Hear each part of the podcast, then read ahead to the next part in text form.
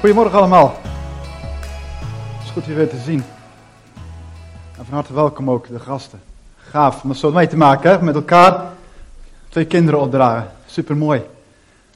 Hey, vandaag gaan we het hebben over koninklijk leven. En uh, Oscar die heeft vorige week al de aftrap gegeven over koningschap.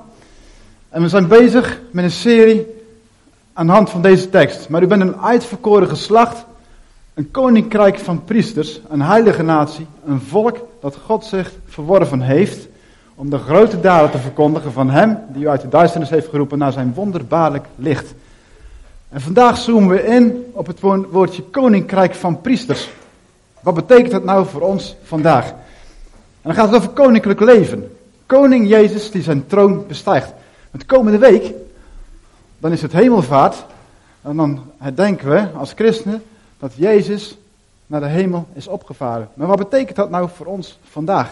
Wat hebben we daar nou aan? Concreet, als we maandag op ons werk zijn of op school zitten. Daar gaan we vandaag over nadenken. En hij heeft even gebeden, maar ik wil het toch kort zelf ook nog eventjes doen. Vader, dank u wel voor uw liefde. Dank u wel voor uw trouw. En dank u wel dat we hier zo met elkaar mogen zijn om u te ontmoeten, Heer. En we spreken gewoon uw zegen uit, Heer, over een ieder van ons die hier is. Dat we samen uw liefde, uw kracht mogen ervaren.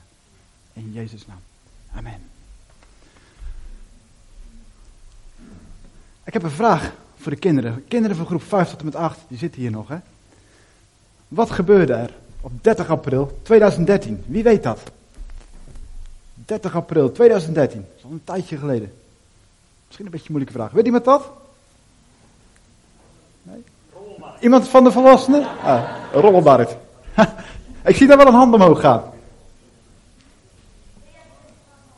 Sorry? Ja, Beatrix treedt af. En wat gebeurt daarna? Yes, heel goed. Koning Willem-Alexander getroond. Hij heeft op, 13, op 30 april 2013 heeft hij zijn plek in mogen nemen als koning van Nederland. En hoeveel koninkrijken zijn er eigenlijk op deze wereldbol, deze aardbol? Ik heb dat eens nagezocht. Er zijn 22 koninkrijken. Waarvan het uh, koninkrijk van Engeland de grootste is. En er is ook nog een geestelijk koninkrijk waar de Bijbel over spreekt. Dat is, denk ik, de allergrootste. Een geestelijk koninkrijk. En wie is daarvan koning? Dat is koning Jezus, zegt de Bijbel. En dat koninkrijk van God, dat heeft miljoenen inwoners. Het heeft miljoenen inwoners. Wie zijn de inwoners? Dat zijn de mensen die in Jezus geloven.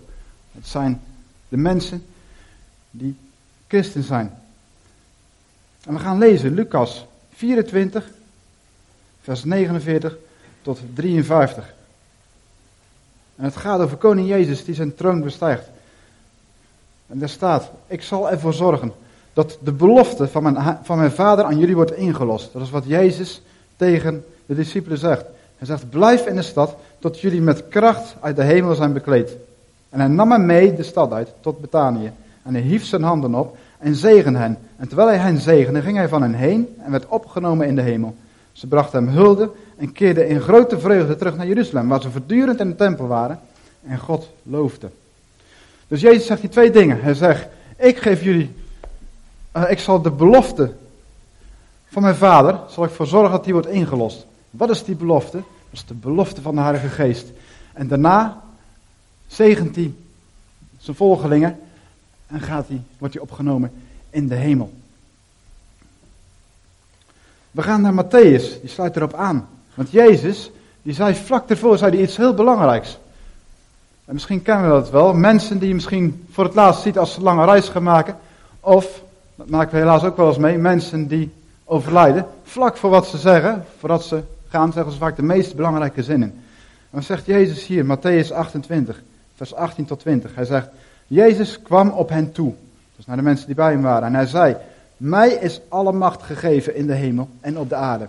Ga dus op weg en maak alle volken tot mijn leerlingen door hen te dopen in de naam van de Vader en de Zoon en de Heilige Geest. En hen te leren dat ze zich moeten houden aan alles wat ik jullie opgedragen heb. En houd dit voor ogen, ik ben met jullie alle dagen tot aan de voltooiing van deze wereld. Dus Jezus zegt hier, mij is gegeven alle macht. Hij zegt ook, maak alle volken tot mijn discipelen. En hij zegt ook, ik ben met jullie. Dus hij laat ons niet alleen. Hij laat ons niet alleen. En waarom niet? Omdat hij ons een koninklijke missie heeft gegeven. Heeft ons een koninklijke missie gegeven. Dus de koning, koning Jezus, heeft ons een koninklijke missie gegeven. Want wat is er gebeurd met hemelvaart? En ik heb daar eens over nagedacht. Want waarom is dat nou een feest als iemand weggaat? Dat was nodig, dat Jezus wegging, om plaats te maken voor iemand anders. En dat is de Heilige Geest. En dan ga je even naar Efeziërs 2 vers 6. Dat is een heel belangrijke tekst, is dat. Hij heeft ons samen met hem opgewekt uit de dood en ons een plaats gegeven in de hemelsferen, in Christus Jezus. Dus, als je christen bent, als je gelooft in Jezus, dan ben je met hem gestorven. Je bent met hem opgewekt uit de dood. Je bent met hem opgevaren naar de hemel. En dat is iets wat heel moeilijk verstandelijk te begrijpen is. Maar we hoeven het alleen maar te geloven. Want wat is er gebeurd? Een plaats gegeven in de hemelsfeer. Wat betekent dat nou? Dat jij of ik een plaats hebben in de hemelsfeer. Dat betekent dat we naast God in Christus, naast God zitten. En dat we daarin het hoofd zijn over alle machten en krachten. In Christus. In Christus. Dat is moeilijk voor te stellen. Maar het is wel een Bijbelse waarheid. Efeziërs 2 vers 6. Die dat zegt. En dat is nodig om de koninklijke missie te vervullen. Dus je hoort wel eens zeggen van, je moet je positie innemen. Als je net tot geloof bent gekomen, hoor je dat wel eens, hè? van neem je positie in. De Bijbel zegt, die positie heb je al. Je bent al gezeten in Christus naast God. Je bent er al. Het enige is, word je er bewust van. Word je er bewust van. Toen Willem-Alexander werd geboren, misschien, ja, de ouders hij is 50 geworden. Oké. Oké, hij is 50 geworden. Maar toen hij 50 jaar geleden werd geboren, toen was hij zich niet bewust van de positie die hij had. Hij werd geboren als prins bij uh, Beatrix en bij uh, Klaus. En hij was zich daar niet van bewust, maar hij had die positie wel. Hij was een koningskind. Hij was zich ook nog niet bewust van alle middelen die hij tot, tot zijn beschikking had. Maar dan mocht hij in groeien, gaandeweg. En ik weet niet of jullie het hebben gezien, uh, de interview pas met Willem-Alexander op tv. Ik vond het heel indrukwekkend. Je ziet dat hij, dat hij, ik ben trots op koning Willem-Alexander, dat hij als koning mogen hebben. Ik vind hem een enorm integere koning. En ik geloof ook dat het iets van God is, door hem heen. Hij is gegroeid, in de loop der jaren. We hadden hem niet, denk ik, als baby uh, uh, als koning moeten hebben, toch? Er was er niet veel van terechtgekomen. Hij heeft gaandeweg, is hij gaan groeien in zijn bewustzijn van zijn positie. Het geldt eigenlijk voor ons allemaal. We hebben allemaal, als je bewust bent van die positie, we hebben allemaal ook die koninklijke missie. En we zijn ook geboren met die koninklijke missie. En dat kwam van de week aangekomen af op een of andere manier. En dat wil ik toch ook graag delen, want dat is niet voor niks. Je bent geboren met een koninklijke missie om het verschil te maken in deze wereld. Door wat je spreekt, wat je doet en wat je hoopt.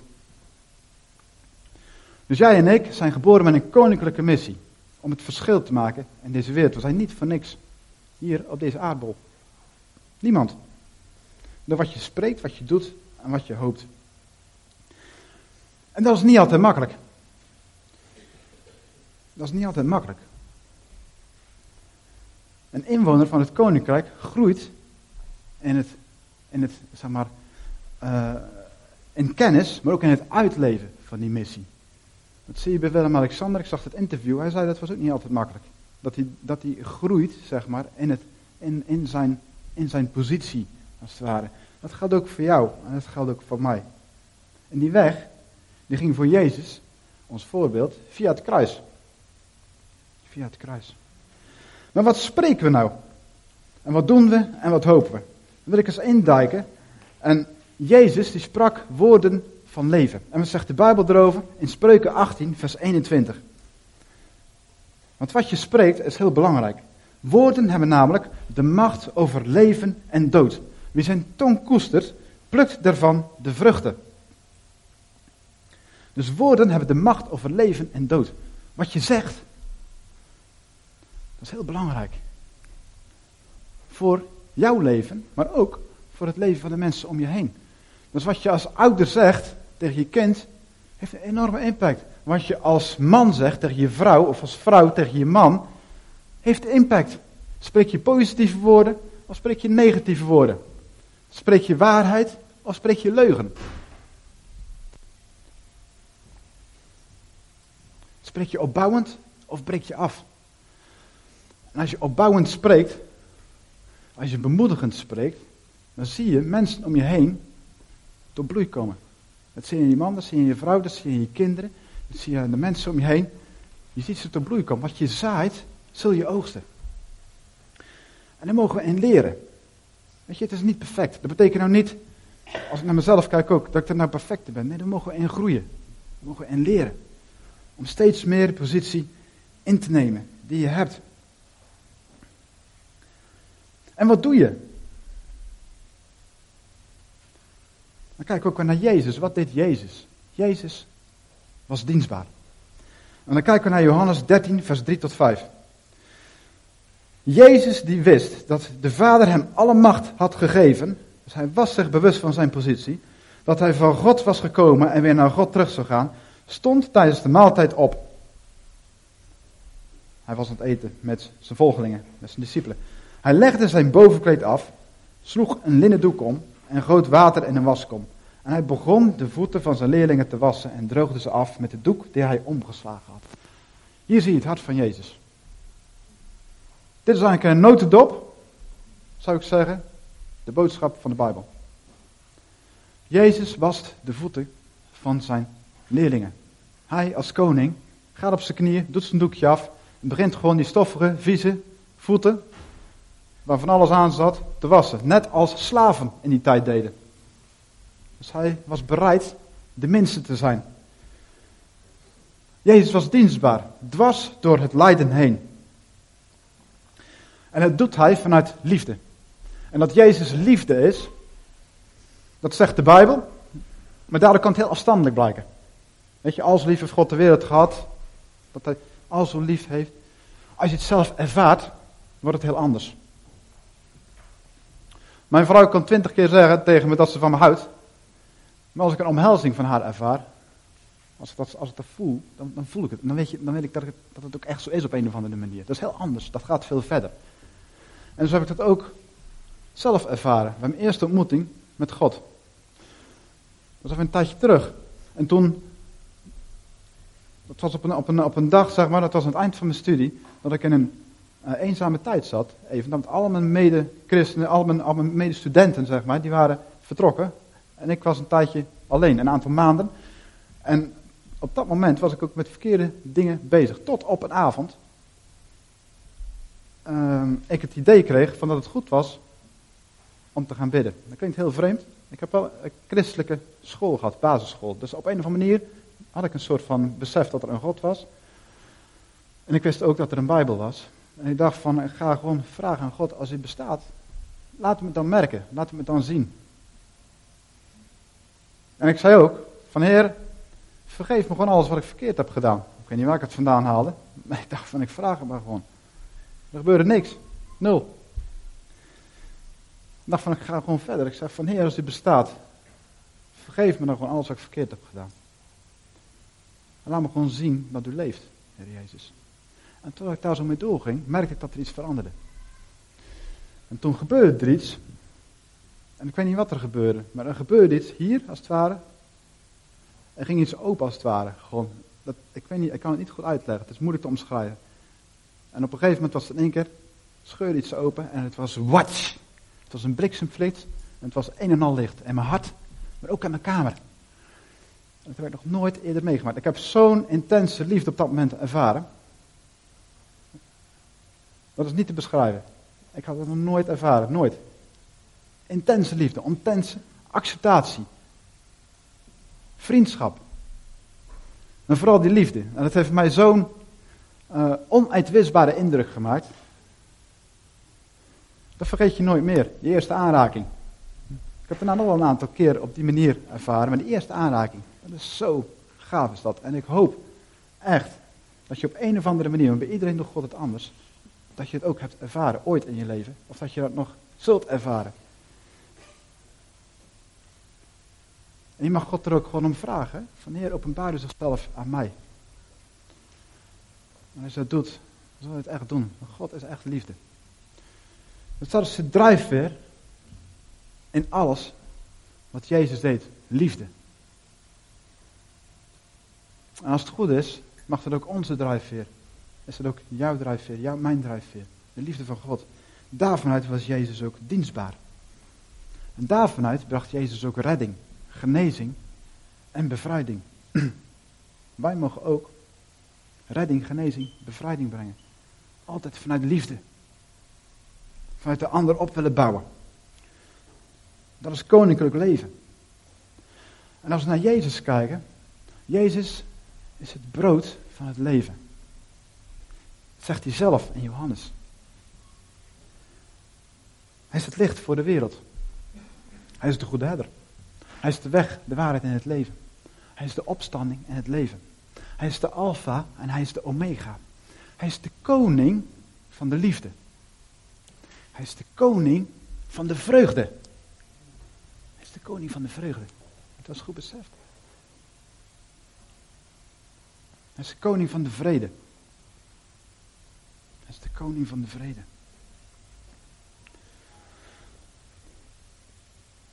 En wat hoop je? Wat hoop je?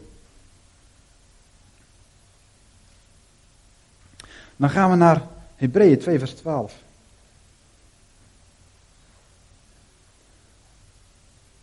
Wat hoop je? Daarmee moeten we alleen op Jezus letten, want Hij is onze leider. Hij wijst ons de weg en gaat voor ons uit. Hij is ons voorbeeld in het geloof. Jezus verdroeg de dood aan het kruis en alle schande, omdat hij wist hoe blij hij daarna zou zijn. Nu zit hij naast God op de troon. Jezus verdroeg de dood aan het kruis en alle schande, denkend aan de vreugde die voor hem in het verschiet lag, zegt een andere vertaling. Hier staat, omdat hij wist hoe blij hij daarna zou zijn. Dus wat Jezus door die weg van het kruis heen trok, al het lijden wat hij meemaakte, en zijn sterven. Het was een stip, een enorme stip aan de horizon. Het was dat, hij, dat hij wist de vreugde die voor hem in het verschiet lag. Dat geldt ook voor jou en voor mij. Mensen die me een beetje kennen, die weten dat ik van hardlopen hou. En ik uh, heb een aantal marathons gelopen. Een aantal weken terug nog, de marathon van Enschede. En ik leer er heel veel van. Voor mij is het, het hardlopen is eigenlijk een soort van nou ja, samen zijn met God. Maar hij, hij leert me ook ontzettend veel dingen in het proces. Maar een marathonlopen is eigenlijk een beetje vergelijkbaar met soms met je leven hier op aarde. Als je goed getraind bent en je loopt een marathon, dan zijn de eerste 30 kilometer redelijk goed te doen. Ik weet niet, zijn er meer hardlopers hier in deze zaal? Ja? Lopen er mensen hard? Ik zie een aantal. Ik ken er wel een aantal, maar ik zie. Oké. ik kan het van harte aanbevelen trouwens, hardlopen. Maar na de 30 kilometer, je hebt bij de marathonlopen, heb je bij de 30 kilometer, na de 30 kilometer, kom je op een soort punt dat de voorraden in je lichaam op zijn. En dan kan je bijna niet veel trainen. Maar dan er, ontstaat er ook iets mentaals. Ik vind het een van de zwaarste onderdelen van de marathon, op de 30 kilometer. En dan daarna moet je nog 12 kilometer, zeg maar. En je, je, lichaam schreeuwt erom om te stoppen. Er is maar één ding wat hij denkt, stop. Soms speel je maag nog wat op, je darmen. Niet fijn allemaal. Wat me dan op de been houdt, is die finish. Waar ik dan aan denk, is straks die binnenkomst aan die finish. Waarbij ik blij ben dat ik de finish heb gehaald. En bij Laura staat aan die finish met een of andere medaille. Al die mensen die je toejuichen en het voldane gevoel naar afloop. Dat is wat me die laatste 12 kilometer er doorheen trekt. En het werkt echt, mentaal. En dan is het gewoon aftellen, als het ware. En op een of andere manier is het ook iets heel moois, om dat op die manier te doen. Maar dat geldt ook als je misschien in een wat moeilijke situatie zit, of gewoon in je dagelijks leven. Je mag weten als christen dat er aan het eind vreugde in het verschiet ligt. En wat voor keuze je ook te maken hebt, wat voor omstandigheden je ook zit. Je mag gewoon weten dat dat er is, dat dat er ligt. En als je daarop vertrouwt, als je daar je hoop op stelt, op die vreugde, op koning Jezus, die je met uitgestrekte armen opwacht, dan maakt dat een groot verschil voor nu. Echt waar. Dus wat spreek je? Wat doe je? Wat hoop je? Dat is koninklijk leven. En dan mogen we samen mogen we daarin groeien. En daar hebben we de Heilige Geest hebben we daarvoor nodig. En daar hebben we ook elkaar voor nodig. Want niemand is perfect. Niemand is perfect. We zijn allemaal, ik ook, we hebben allemaal onze gebreken. Maar we mogen elkaar aanscherpen om koninklijk te leven. En op die manier ook het verschil te maken in deze wereld. Yes? Willen we daarvoor gaan? Oké, amen. Hey, zullen we even gestaan, dan gaan we bidden.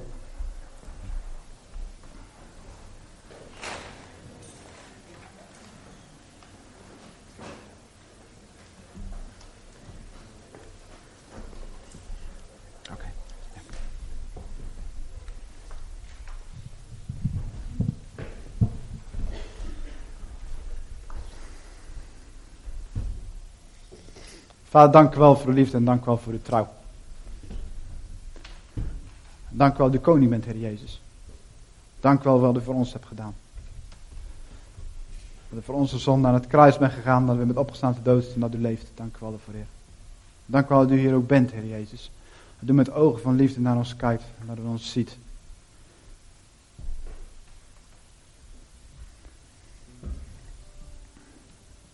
En ik zou je willen vragen vanmorgen.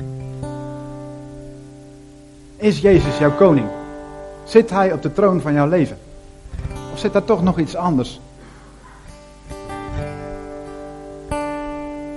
Weet je, als je de keuze voor Jezus maakt, als je Jezus koning in je leven laat zijn,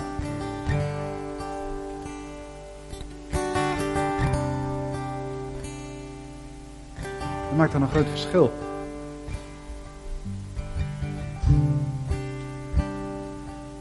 En dan krijg je leven zin. Vader, ik bid u dat u met de Heilige Geest door deze ruimte heen gaat. En dat u gewoon ook mensen aanraakt. U weet, Heer, u kent ons. En zou willen vragen vanmorgen. Als jij zegt van Heer, ik wil vanmorgen graag u weer de eerste plaats geven. Ik wil erkennen vanmorgen, Heer, dat u koning bent in mijn leven. Als jij dat bent. Gewoon willen vragen, steek gewoon je hand omhoog. Of leg je hand op je hart. En laat het zien op een of andere manier aan God. En Jezus, dat je Hem koning in je leven wil laten zijn. Heer, Jezus, u bent koning in mijn leven. Ik geef u de eerste plaats. Als jij dat bent, steek er gewoon je hand omhoog.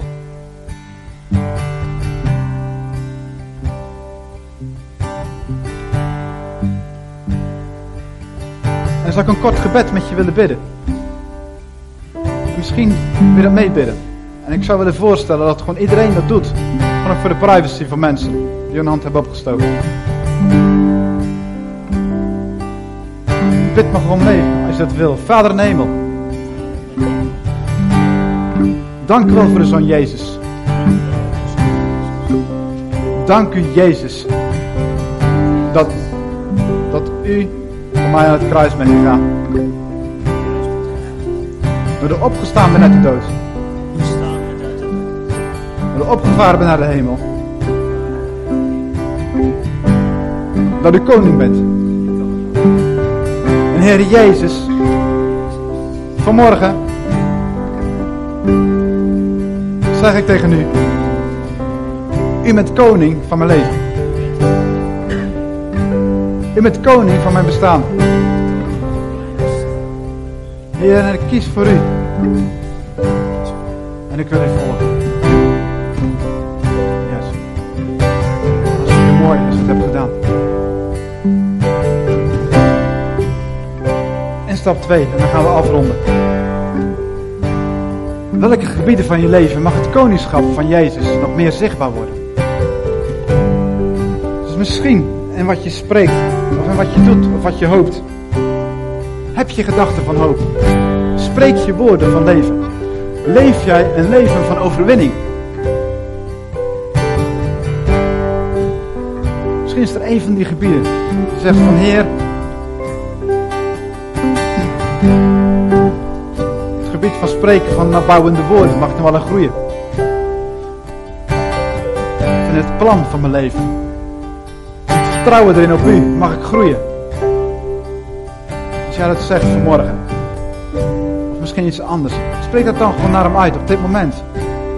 God hoort je op dit moment. Je mag het gewoon, je hoeft hard of zacht, maakt niet uit. Zeg het gewoon, Heer.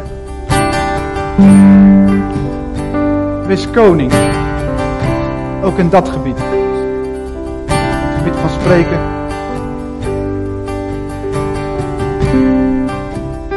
Wat ik doe. Van wat ik hoop. Heer, wees koning. Het heeft te maken met roddel. Of met leugen. Wat dan ook. Heer, breek door.